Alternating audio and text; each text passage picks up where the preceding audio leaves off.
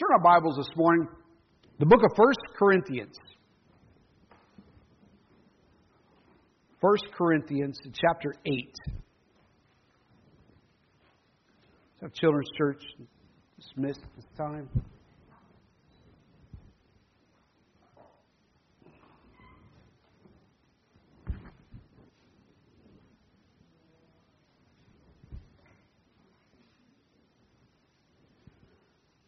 1 Corinthians chapter 8, as soon as you find your place, if you'd stand together with me.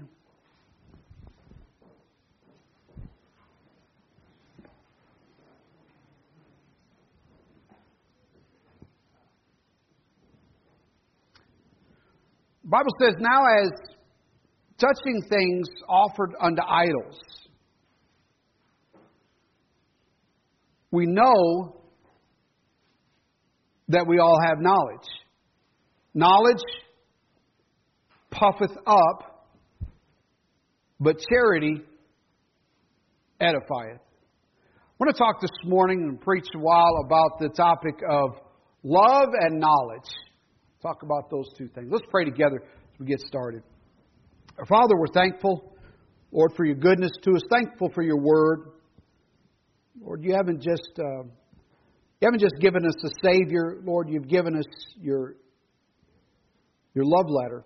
Lord, you've given us your direction, purpose. Lord, we don't have to guess at these things. Lord, you've given us some instruction, some guidance. Lord, there's where we might at times have, have conflict and, and difficulties. Lord, you've given us the instruction of how to straighten these things out and deal with them. And Lord, I pray this morning you'd help us to uh, grab a hold of this truth, Lord, that it would be um, Lord, that we would know it, and Lord, we would make it part of our lives and use it that it might be uh, help us to be what we ought to be. Lord, I pray that you'd guide and direct in this morning. You'd be honored, glorified, and lifted up. Well, thank you for it now in Jesus' name. Amen. Amen. Thank you. Please be seated. So, so what good is knowledge? You know, what good is knowledge? And, you know, Paul's first letter to the Corinthian church was was not one filled with commendation. If you're familiar with the Bible, if you're familiar with 1 Corinthians, this was not a, a pleasant letter. Um, it was not full of how well they were doing. The, the, this is a church that had a lot of problems. They had a lot of issues going on. They, they lived in a carnal city, a very carnal, worldly city. It was on kind of at a crossroads. A lot of, a lot of wickedness that was there. There was a lot of Greek influence that had seeped into the church, right?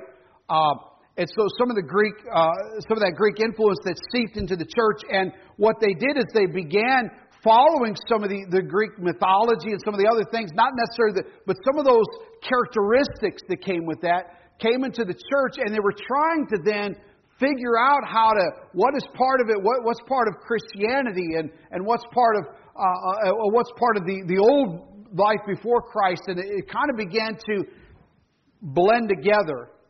And, and there was some things going on, and there were there were believers at this time that had gotten into all kinds of wickedness. All kinds of wicked. Look, look over in chapter 5 and verse 1. Paul said to the Corinthian church, he said, it's, It is reported commonly that there is fornication among you, and such fornication as is not so much as named among the Gentiles, that one should have his father's wife. I mean, this was a, uh, th- there was uh, uh, evidently a man taking his, his, his father's wife, his mother in law, and I mean, I'm just saying, he said, this isn't, not even the, uh, he said, even um, the Gentiles don't do this. Here's what he's saying even those without Christ aren't doing this kind of behavior, and you're doing it here. And, and he goes on in verse 2, he says, And you're puffed up and have, uh, and have not rather mourned that, that ye be have done this deed might be taken away from among you. So you're, you're, you're kind of glad about this. It's like a good thing. Hey, hey, here in our church, we do anything. It's kind of a, uh, it's kind of what was going on in this church. It's like they were almost marveled and almost bragged about seems to kind of be the idea that we, uh, anything goes here. we're a uh, you know an, an, an no holds barred kind of kind of church, and and this is the Corinthian. By the way, this isn't he isn't writing this to the community. He's writing this to the church at Corinth. Um, and he said this is commonly re- reported among them this this incident. Evidently, it was widespread. The the the evidence of this and things that were going on. And I mean, the, would you want to be known as the church that um, that fornication is welcome here? Are there churches doing that today? Yeah. Yeah, there's sin and wickedness, and they're becoming becoming. This is the kind of thing he was talking. So, by the, so I'm bringing this to our attention um, to get our idea of what's going on here in 1 Corinthians. This is the kind of church he was dealing with, uh, and he goes on. He says, so so there there needed to be a lot of correction given from the apostle to this church. So, in here in chapter eight, we find Paul dealing with another issue, an issue that was going on. This was an issue of knowledge. The issue was not, again in verse 1, he says, Now as touching things offered unto idols, he says, We know that we all have knowledge. Right? Knowledge, though, does what? Puffeth up. And charity edifieth. Okay, so there's, there's these two things. So he begins this verse to make a distinction between two very important things in the church knowledge and charity. Okay? Knowledge, he says, knowledge puffs up. By the way, this doesn't mean that knowledge always puffs up, but, but that is what was happening in the church at this time. People that knew something were getting really proud of themselves because they knew it. Right? Um, and it began to, uh, uh, you know, they began to swell up because of something that they knew.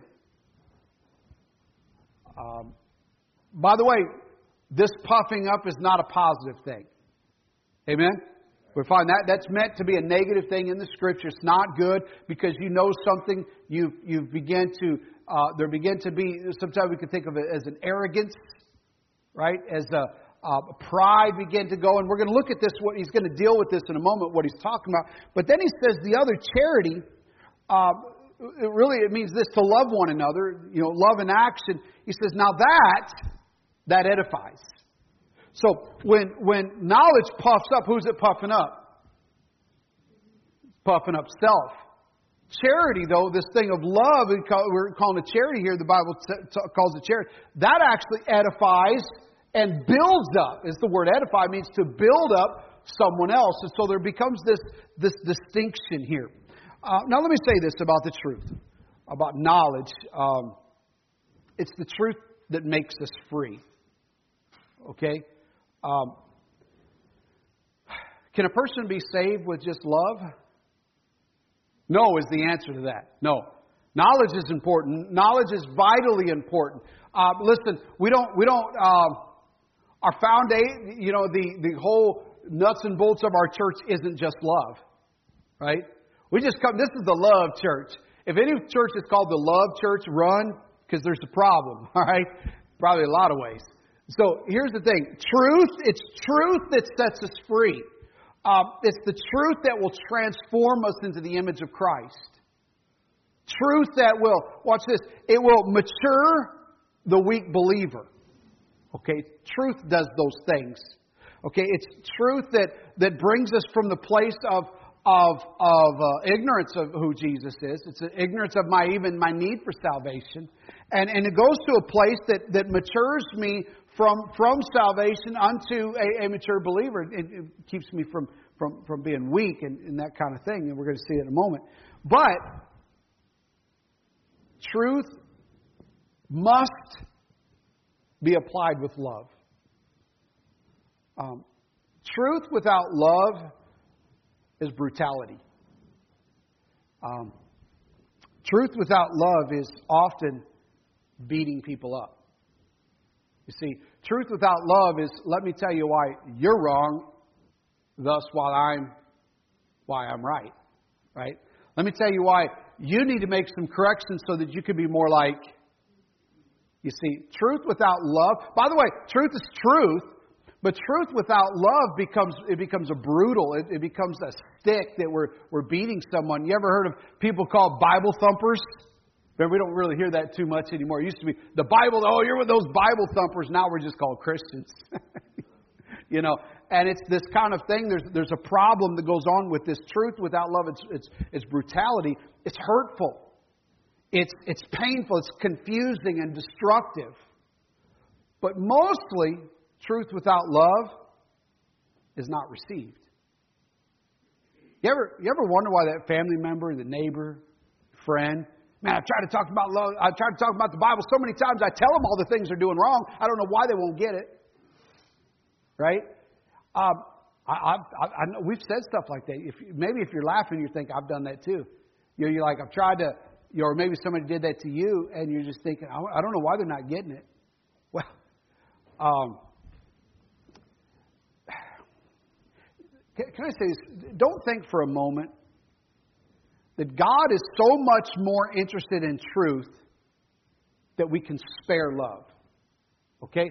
Folks, don't, don't miss this part. This is, this is vitally important to our work, our ministry of taking the gospel to the world. I'll tell you, the world is wicked, they're vile, they're disgusting. Some of the things they do repulse us. They're just, they, they, they turn the so against God that it can make us angry. Right? By the way, such were some of you. Right? Is what he also says. We're that same way.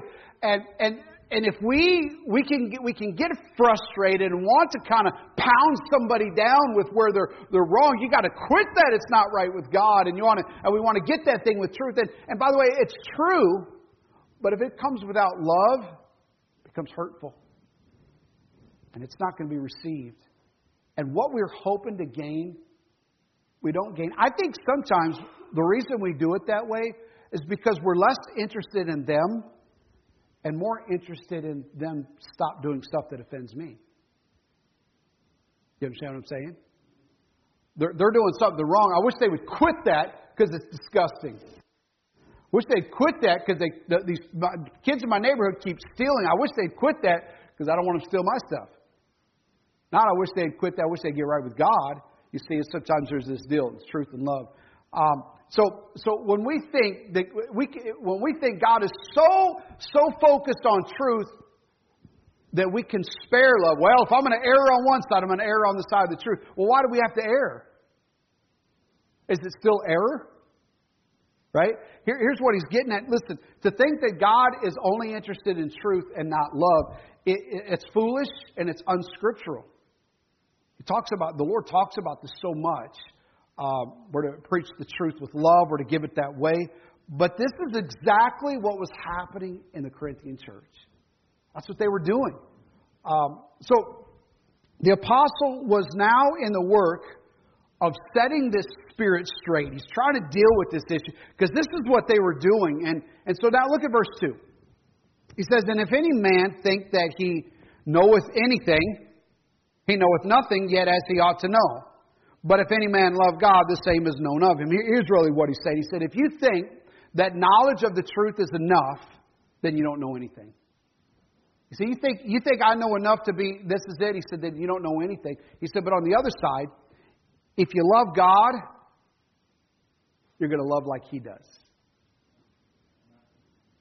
You're going to love like He does. You ever, you ever had anybody just work you over real hard in Christian not love. In Christian, we call it, well, I really told them how to do it really in, in Christian love. Well, they didn't really mean that. It meant I really told them in truth, and by the time you're done, you felt beat, battered, bruised. Well, that's good for them. Wow. Um, there, there's a time, and usually the beat, battered, and bruised is, you know, Proverbs talks about us with the rod of correction on the backs right? But but here's this thing of he's saying, listen, if if you love if you, if you love God, you're going to love like God loves, and God loves in a way that's that's really this way. It's self-sacrificing. Gave His only Son. It's self-sacrificing in a way that says what's more important isn't for me to get what I want, but to, to, to, to help others. I mean, listen, just when we think about what God has done for us and what He does for us, why does He even bother with such stiff necked people. You ever realize how many times you've rejected God and want to do it your own way? I want to do it my own way. God's, you know, and, and, and there's some direction. And you're like, no, I want to do it my way. Or you've said something, I know what God wants, but I'm going to do. And isn't it amazing that God doesn't just say, all right, done with you? Praise the Lord, He knows the beginning from the end. right? Amen. Because we'd be sitting to, there'd be an empty room in here. And he just wipe us out. But so, so the love of God loves in a way, and if we know Him, if we if we if we love God, we're going to love like He loves, and we're going to. So he gives. So it begins with this illustration. Um, he's dealing with this illustration in verse four. Well, again, in verse one, he begins with this. He says, "Now as touching things offered unto idols." So he begins with this this thought, and then he's going to he's going to he gives us a little uh, uh, introduction about what he's dealing with, and now he's using this illustration in verse four. As concerning, therefore, the eating of those things that are offered in sacrifice unto idols, we know that an idol is, what's that word? Nothing in the world, and that there is none other God but one. So, so Paul here uses this particular issue to deal with this spirit of, of knowledge and love. He says this We know that an idol is it's nothing. It, it's nothing. It's an, it's an empty block of carved wood. It's literally nothing. It's, it is chiseled stone without a presence.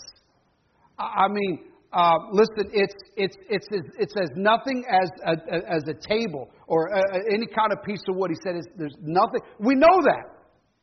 We know that this is what he's trying to deal with. That's what we know. We know it's nothing. Those that are, listen, those that have been saved, those that know God, this is nothing. Uh, listen, um, um, now, so by the way, can I say what he's what he's writing, who he's writing to here? This this phrase and what he's talking about, this issue that's going on. This isn't written to or directed to the new and immature, the weak, or unknowledgeable believer. He's not talking to them. He's addressing he's addressing the, those that well understand this truth. Here's what he said: We know this thing. Idols don't scare us. They don't spook us. They don't get us. We shouldn't be, we don't walk by and get the EBGBs. You know what I mean? When I say the EBGBs? You know what I mean? Like, Ooh, that's gross. That's weird. I mean, we don't, no, it's a chunk of wood. It's a piece of stone. We would, when we were there in Sri Lanka, you drive around on, on almost, I mean, not every corner, but a lot of, there'd be this, uh, this, uh, this, this, this, this box and this thing, and inside of it there'd be this statue of the Buddha in there, and they people would people are on the edge. They put flowers, and they're always putting stuff. There are always things all around it. There was, they're everywhere. You didn't go by everyone and be like, oh, oh God. You know, you know, you know what I thought that was? Concrete. They didn't even chisel stone. It was just concrete that was molded into something. You know, our family didn't say we got to we got to walk on the other side of that because it's going to get us.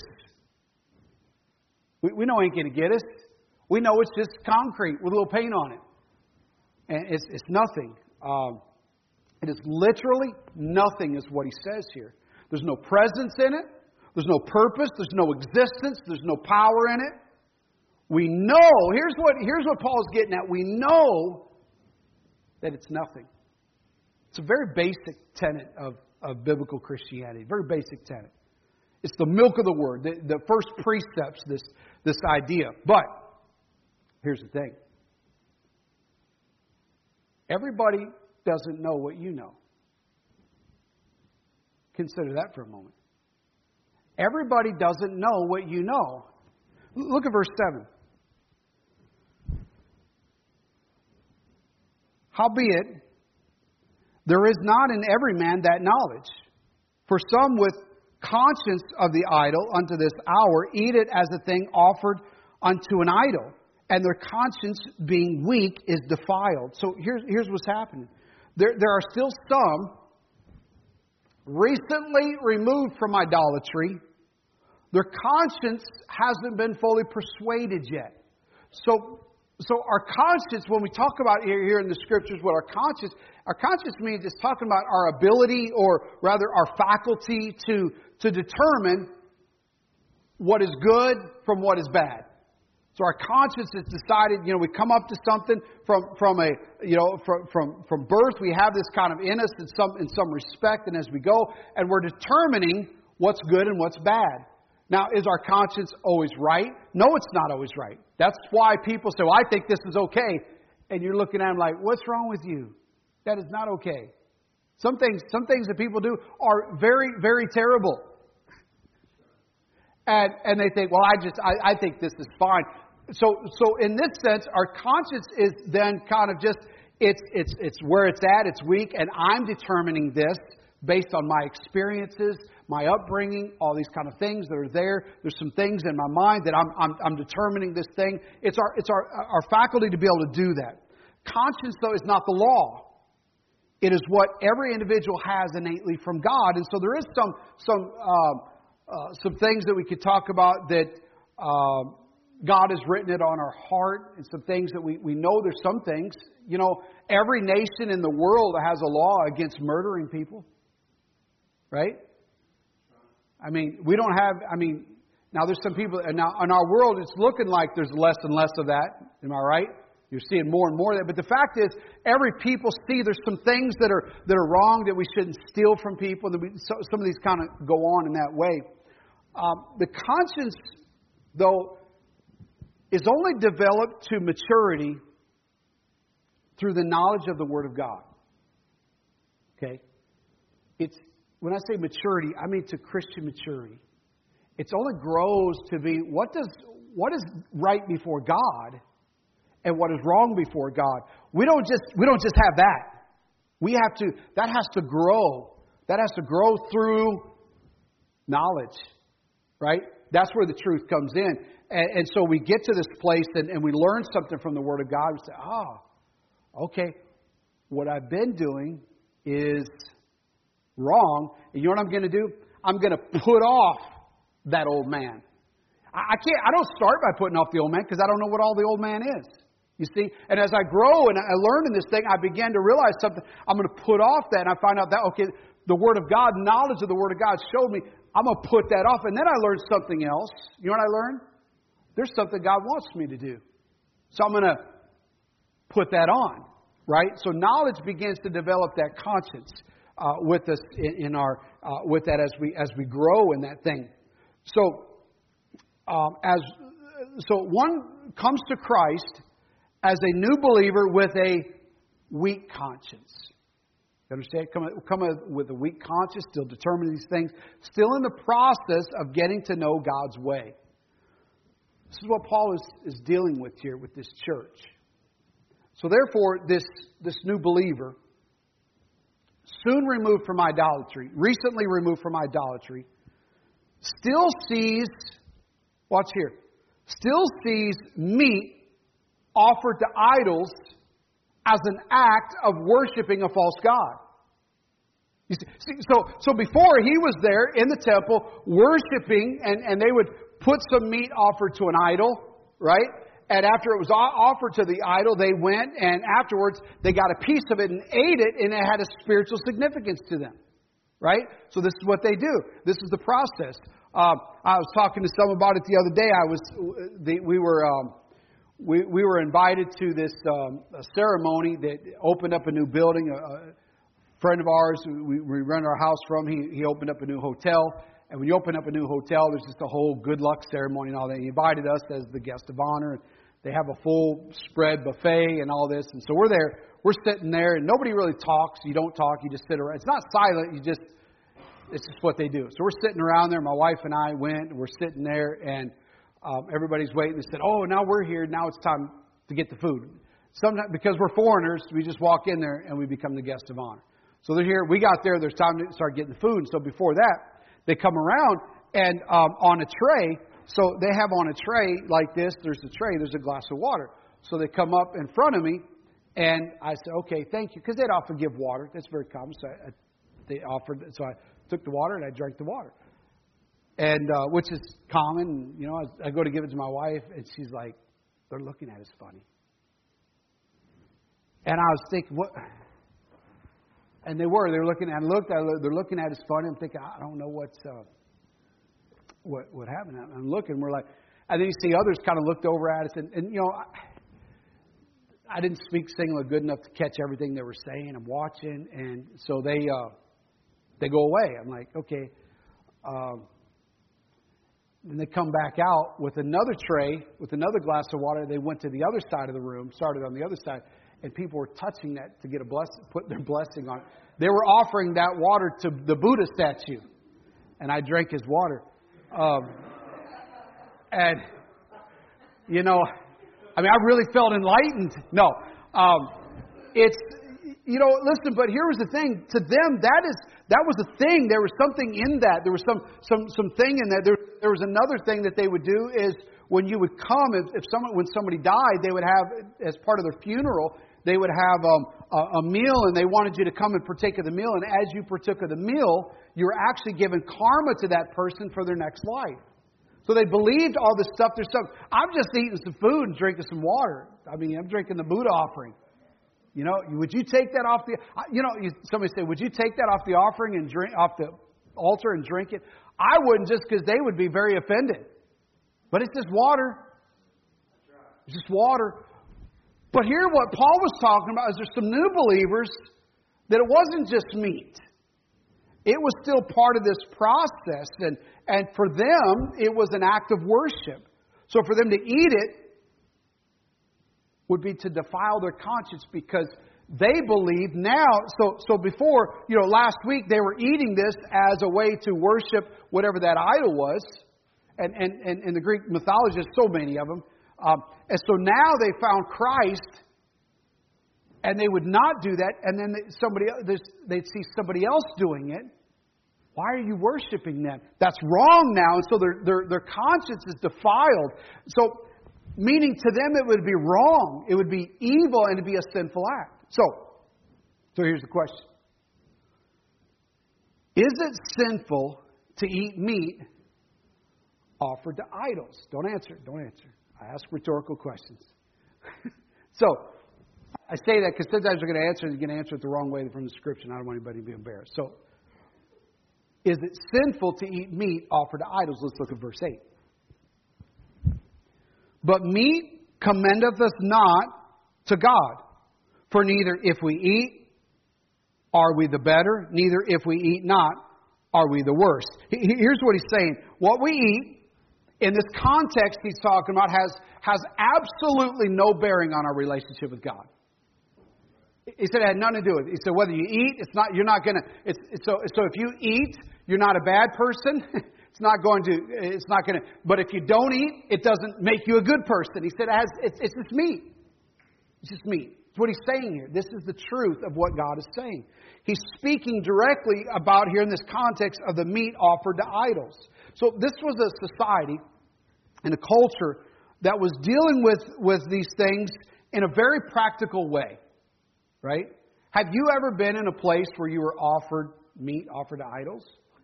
Probably not in our society. I mean, I was offered water offered to idols. I don't know, but you know, was there other things going on? But this was very common in their culture. Uh, so meat at the regular market was at a much higher price. Be, considered fresh meat. Be, be considered very, you know, it'd be, it'd be the, the, the, the ultimate meat there. But the meat at the temple markets was more affordable. It's already been used for its purpose. Uh, and so it was already offered there, and so now you could buy the meat at the market much cheaper. Right? So I could save a few bucks. Yeah, I could afford that meat, but I couldn't afford this meat. Is it okay to eat that meat? This is the question. This is what he's dealing with. So again, the question was, can we eat that meat and save some money? this, this is a challenging thing. We, we, we think sometimes we, we know the answer is right away. Well, no, we should just we should stay away from everything that's, that's maybe questionable. Sometimes that's our go to. Um, the answer, though, is this the idol is nothing. The idol's nothing. It is simply meat set before a chunk of, of stone or wood. I, I used to go in, I like to go into Chinese restaurants where they have the happy Buddha. You know that. So the happy Buddha is the Buddha with the big belly. It sits usually in Chinese restaurants. That's the Chinese Buddha. The The, the, the rest of the Asian Buddha is the, the thin, slender, starved himself to death. So they got now the happy Buddha that didn't starve himself to death. He ate a lot of rice, I guess. And so I'd, I'd go into a, a Chinese restaurant and you got that happy Buddha and there's, there's money all poked along it, right? And I would I like to go up to, I'd, I'd like to go up to the, uh, the the ladies there. I say, what what what is this? Why is there money here? Oh, that's for good luck. I mean, I know what it is, but I just want to know if they know what it is. I said, so okay, I see coins, you know, pennies, nickels, dimes, maybe some quarters, and some dollar bills. I said, so is it is it the more you give, the better luck you get? Yeah, yeah, like that. I said, well, why isn't there any twenties? Well, you know, we don't. We just you know, you know what they said. We don't. We don't really think much of it, but just in case, I, well, I, I like to have fun with them. It's just that's what I do. I like to get them thinking in their head because if I thought that was good luck, I mean, really, this is your business. Put a hundred dollar bill in there, right? Because you know what's going to happen at the end of the night? Because that he don't take it. We would see this in, in Sri Lanka. They put these in front. They put fruit. Yeah, I'd never seen an idol eat fruit. Never. They put flowers. They'd arrange these flowers and do all this every day. Some places they would do it every day. In a tropical island, the flower buds come out all the time. And so they, every day they'd, they'd be up in the morning picking them all, and then they'd go and place all the flowers. Uh, and there'd be flowers and fresh fruit and all this. And by the by the middle of the day, the, the bugs and flies and gnats are all on them. By the end of the day, they take that. You know what they do? They just throw it in the ditch. They're done with it. I'm thinking, Hasn't it ever occurred to you that you're that you're you're dumb? No, I wouldn't say that. But it never occurred. But that's what the Bible says. It's a dumb idol. But haven't it ever occurred to you they're not eating that? They're not. There's nothing. So here's what here's what he said. There's no. We know there's nothing. Those that are saved and Christ, we know there's nothing to that thing. Um, uh, and so so can we eat that meat? Save a few bucks? The answer to this, the idol's nothing. It's simply meat. We're no better or no worse if we eat of it. So, in other words, there's, there's no limitations on such things, is what, what the Apostle Paul, what the Word of God is telling us. We have liberty to eat it. He said, Would you eat meat offered to idols? According to here, it's okay. He said, Well, I, I just would feel awkward. Well, thank you for making that point. You say, You're talking to yourself. I know, that's how I do it. So, here's what some folks say. Well, I just wouldn't do that. Here's, here's what we're talking about a weak conscience, conscience versus some knowledge. And this is this is actually the point. This idols thing, this meat offer, that's something that was the illustration dealing with what they were dealing with in their in their, in their, their society. So here it is. It is not going to defile our, our conscience because we know that it's nothing. So you can eat it. You can eat. I mean, I don't know. I've seen how they treat some of that meat. You know, I mean, people grabbing in those countries where they do that. We don't do that here. So this is an illustration, but they would grab it by the hands, but they didn't use any soap or water anyway to wash. So it's a different kind of. There's other reasons I wouldn't eat it. But here's what he's saying: we've got liberty to eat that, but but there's a caveat with this. Liberty. Liberty doesn't. I mean, liberty is the freedom, but freedom. Let me go to. There's a caveat. Look at verse nine. But take heed, lest by any means this liberty of yours become a stumbling block to them that are weak. So, the third thing here is this is the truth Paul is really dealing with. He kind of gives an illustration, he talks some things, he's trying to get us to this, to this message, the problem that the Corinthian church had. Here's, here's what he's dealing with. Just because you can do it doesn't mean you should do it. Right? Just because I can doesn't mean I should. There's, there, there's a warning here. He, he says it this way. He says, but take heed. Right? That's, that's a warning. There's a warning here. Uh, I'd like to say, I'd like to say it's a hard warning. It's a hard warning. In, in some sports, if there's, you know, um, you get a little, hey, don't, don't, don't do that again. That's just like a, that's like a warning that doesn't matter. You know, hey, stop, don't, don't do that. But when they say, when they'll, sometimes they'll say, this is a hard warning, which means next time you're going to lose points. And so, so I think this is a hard warning. This isn't like, hey, just don't do this. This is take heed. Really, there's a warning. Look to yourself. Look to yourself is the thing. do not let your liberty become a stumbling block to the weak. My liberty, might call it my right, my privilege, my own business. Well, that's my own business. I can do what I want. You ever, you ever heard somebody? Say, I mean, you wouldn't have said it, but you've heard other people say that. Like, well, it's my business. I can do whatever I want. I, it's my right to do whatever. I can do whatever I want. Yeah, that's what liberty. That's what liberty actually means. It's yours. Um, sometimes it can be a stumbling block to someone else. A block in the way of their Christian life. A block as in a, a wall, something that stops them. Um, it can be it can be that which causes them to stumble, stumble on on, on, on sin and, and and folks that are that are trying to, to go and trying to grow and trying to learn Christ and trying to see what He wants and those that have knowledge do what we have a right to do, but it causes a stumbling block to those without it. And, and it actually becomes a thing. It's a thing which can cause others to sin. Look at verse 10.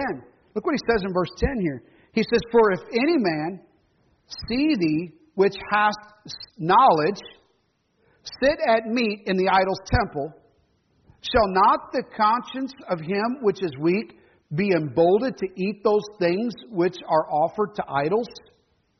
So, so listen, what, he, what he's saying is, is this. There's, so there's no problem eating this meat that's there at the idol. He doesn't say that's the problem.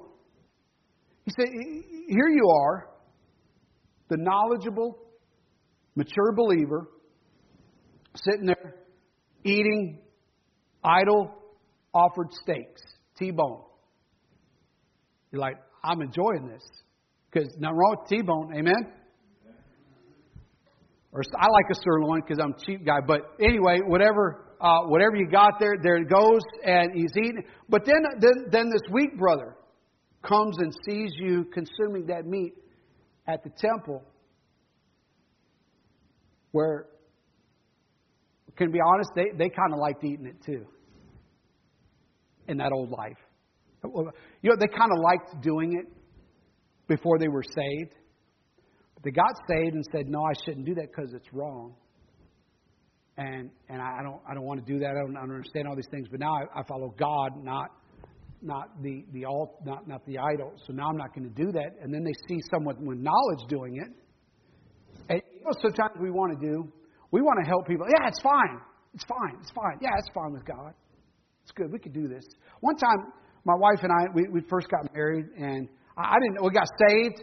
I, I didn't know. I didn't know anything about Christianity. I didn't know anything, and so there was. We, we lived in Nebraska, and there was. I've, ta- I've talked about this before, but there was a casino over in on the river, Missouri River, and they kept advertising this really cheap buffet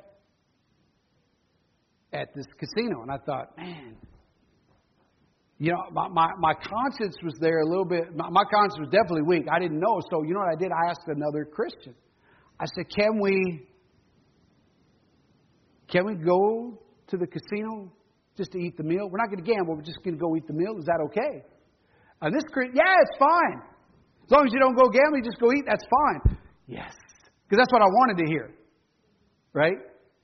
And so we went in there. I'm like, whoo, we're going to get this cheap buffet, and not, you know, we don't have to do the thing. And and I heard it was really, really good food. And went in there, and we go to the door, and then finally it says must be 21 to enter, and my wife was only 20, so or maybe she might have been 19 then, so we didn't get to go eat the buffet. Um, so I was really disappointed. No, you know, I thought I thought, okay, God kept us from something. I don't know. Listen, here's the thing. Um, this is how it works a weak conscience and they see somebody doing something else.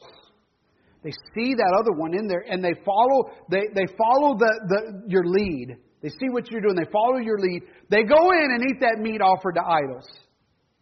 But here's what happened. They walk away with a defiled conscience, hurt, feeling as if they have betrayed God because they have a weak they have a weak conscience. So here's the question again.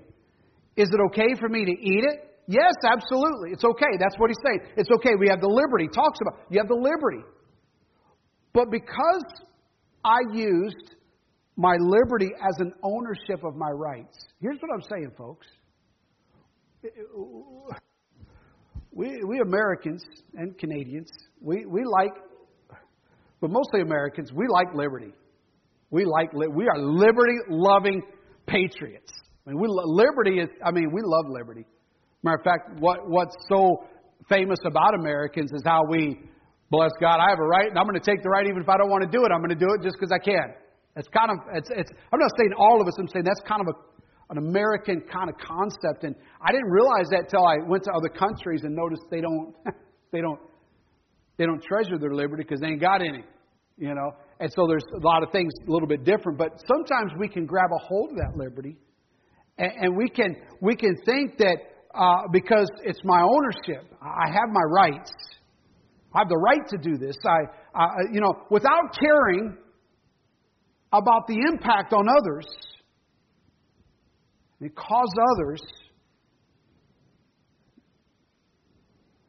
that is without this knowledge causes them to sin. You say, how is it? A, see, this is a little confusing if you think about it. So it's not a sin for me because I know, but it is a sin for them because they don't know. You say, is that really true? Well, this is what he's saying here. He say, for him that knoweth to do right and doeth it not, to them it is sin. But here, somebody, and this side, it's the other side. They don't, they don't know. To them, it seems wrong. And so when they do that, which seems wrong, look what it says here in verse 11. And through thy knowledge shall the weak brother perish for whom Christ died. It says, listen, there, there becomes now this, this thing, there is an actual, is, the Apostle Paul is actually putting blame on the one with knowledge. He said, because of, of, of you using your liberty, you've caused another to perish, draw away from, from the Lord. So, is it worth it for me to do whatever I'm able to do just because I can do it? Is it worth it? At, at the cost of another falling away from the truth? Well, I can, well, it's it's fine. I mean, we will say that sometimes. Well, I can, you know, I can do it. It's, there's nothing wrong with it. Okay. So, remember I said this is a hard warning. It's a hard warning. Verse 12, he says this. But when ye, what's that word? But when ye sin so against the brethren and wound their weak conscience, ye sin against Christ. Oh, man. This is a ripoff. I thought you just said we could do it. I thought you said we have the liberty to do whatever we want to do. What, what we do we do. Not, the, the right or wrong, it's, it's an idol, it's a dumb idol, it's a chunk of wood, it's, it's concrete, painted, stone, chiseled, it's nothing. And, and if I grab that piece of meat, I, I put it in my jacket, I mean, I paid for it, but I take it home and I eat it, no problem. No problem. But if, but if there's a weaker brother that's around there and sees me do something like that that they think is wrong, and I cause them to join in with that, hey, no, it's fine. You know, we, there's this old thing that says this misery loves what? Yeah, everybody knows that one. Misery loves company. Here's the other thing. If I'm doing something and somebody thinks it's wrong, see, Brother Joel say, I don't know if we should do that. I said, well, yeah, you can come do it with me. I want him to join me. You know why? So I don't feel bad about it. And so, but he's sitting there, well, are you sure, preacher? Yeah, it's fine. Come on, we can do this. And then he does it, but he goes home, and just because I told him for at the moment, he's like, okay, we can do it. Later on, he goes home and he's like, oh, I shouldn't have done that. And now he has I have put I have put a stumbling block in front of him. I have done that thing which he thinks to be wrong. And God says here, we've sinned against our brethren. And when we sin against our brethren, we sin against Christ. Man. Sometimes you thought, man, this is pretty easy. I can do what I want. And then he says there's this caveat that kind of messes it all up, doesn't it? Um, that's the crux of the matter right there. Here is the crux of the matter. What I mean, this is what Paul was getting to. Knowledge gives us liberty. We're, we're not bound by a set, listen, folks, we're not bound by a set of faulty rules, regulations, lists, or laws, or man's standards. Listen, our, our role isn't to try to give people a new list of laws. The New Testament is not a book of the law, it's, it is the covenant of grace. We're no longer bound by those things that only Jesus Christ Himself could fulfill. Listen, we were never meant to fulfill, man was never, the Jews were never meant to fulfill the law. It was supposed to be a schoolmaster to show them where they're going to fail, and what they need is a Savior. Yeah. Knowledge of the Word of God sets us free from that bondage. So that pressure to live up to what we never could. Turn with me, if you will, um, over to the um, to the. Keep your place here, but turn over to the book of Acts.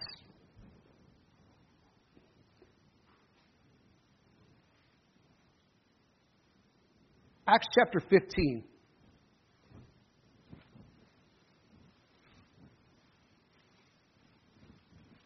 Acts chapter 15 and verse 10. We find here, now, he says, Now therefore, why tempt ye God to put a yoke on the neck of the disciples, which neither our fathers nor we were able to bear? But we believe that through the grace of the Lord Jesus Christ we shall be saved even as they. Then all the multitude kept silence and gave audience to Barnabas and Saul, declaring what miracles and wonders God had wrought among the Gentiles by them. And after they had held their peace, James answered, saying, Men and brethren, hearken unto me. Simeon hath de- declared how, how we at, at the first did visit the Gentiles to take out of them a people for his name. And, and to this uh, uh, agree the words of the prophet, as it is written After this I will return and will build again the tabernacle of David, which is fallen down, and I will build again the ruins thereof, and I will set it up. Verse 17 that the residue of men might seek after the Lord, and all the Gentiles upon whom my name is called, saith the Lord, who doeth all these things. Known unto God are all his works from the beginning of the world. Wherefore, my sentence is that we trouble them, not them, which, which from among the Gentiles are turned to God, but that we write unto them that they abstain from pollutions of idols, and from fornication, and from things strangled, and from blood. Listen, this wasn't a new law given. He said, listen, we're, we're putting a burden on them that our, that our fathers or we couldn't do. He said, but, but he said, we're going to give them some advice how to avoid corruption and sin. There were Jewish believers that wanted to require the Gentile believers to follow the traditions of the elders as did the Jews. Now, watch what's happening here. Here's what happened. So, so these Jews have been in Judaism all their life, uh, and now some Gentiles were getting saved, and they said the Gentiles, they need to follow all of our traditions, our standards, our, our way of life, all the things that we've been doing up until here. And so I don't think they were evil or mean, or I think they were just doing what they'd always done and said, shouldn't they do what we've always done? And, and as the council got together and said, no, this is, we're trying to put on them a burden that our fathers couldn't. So, so um, James, the pastor of the church at, at Jerusalem, said, stop. Stop trying to get others to follow a set of rules and requirements that our fathers, as well as we, weren't able to, to bear. We're now under the liberty of the grace of God. We've all been set free from that list. Like it or not, I'm a rule follower. I like rules. I like rules. I like rules because you know what I like about rules? It tells me exactly what to do and it tells me exactly what to tell you to do. Rules are safe, they're easy. There's that, that list, and I'll just do that, and then I don't have to think about other stuff. Matter of fact, it's actually kind of coasting, right? So some like rules, some don't. Some want to do whatever they want. So some like that. Listen, whether we like it or not, here's what he's saying. We've been set free. So we have a new standard. Not only one of knowledge, but that of love. So back in um, back back in 1 Corinthians chapter 8.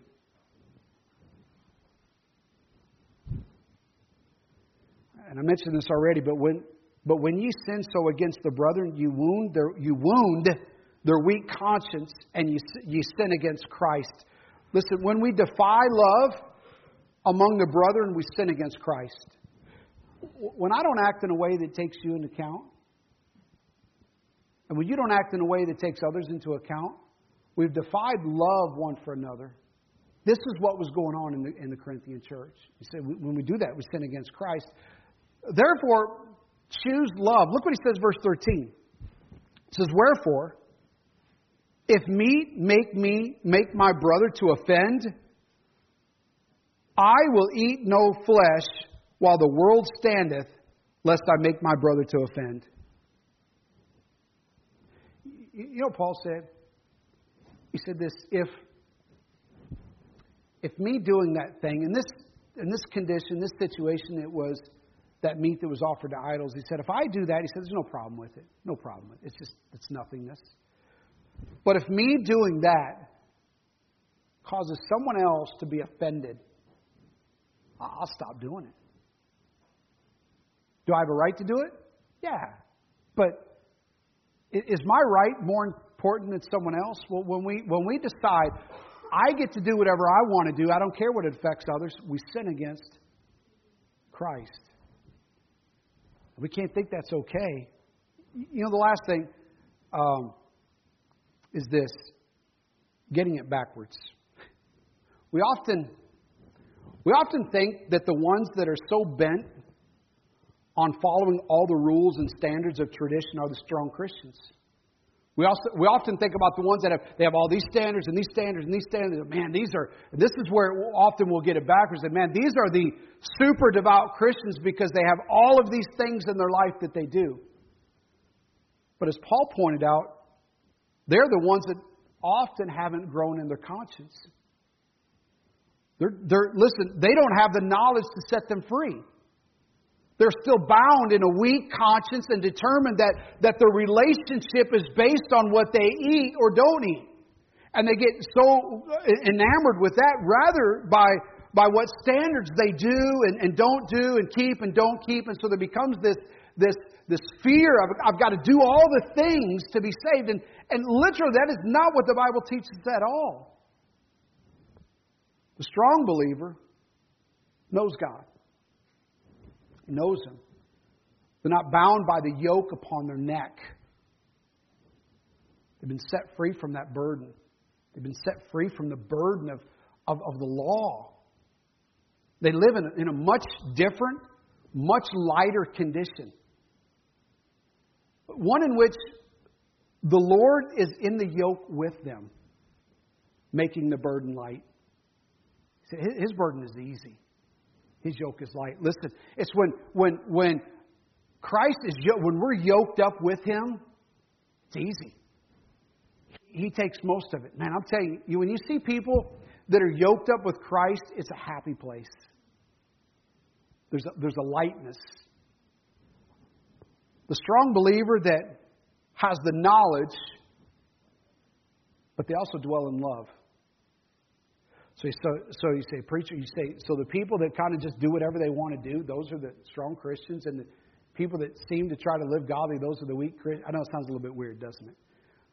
The challenge is this: the the one that has that has grown in knowledge that says, I, I know I'm, I'm set free from the burden of sin, but now I live under the under not the burden of, but I live under the law of love Uh, under this, not a law, but under the spirit of love.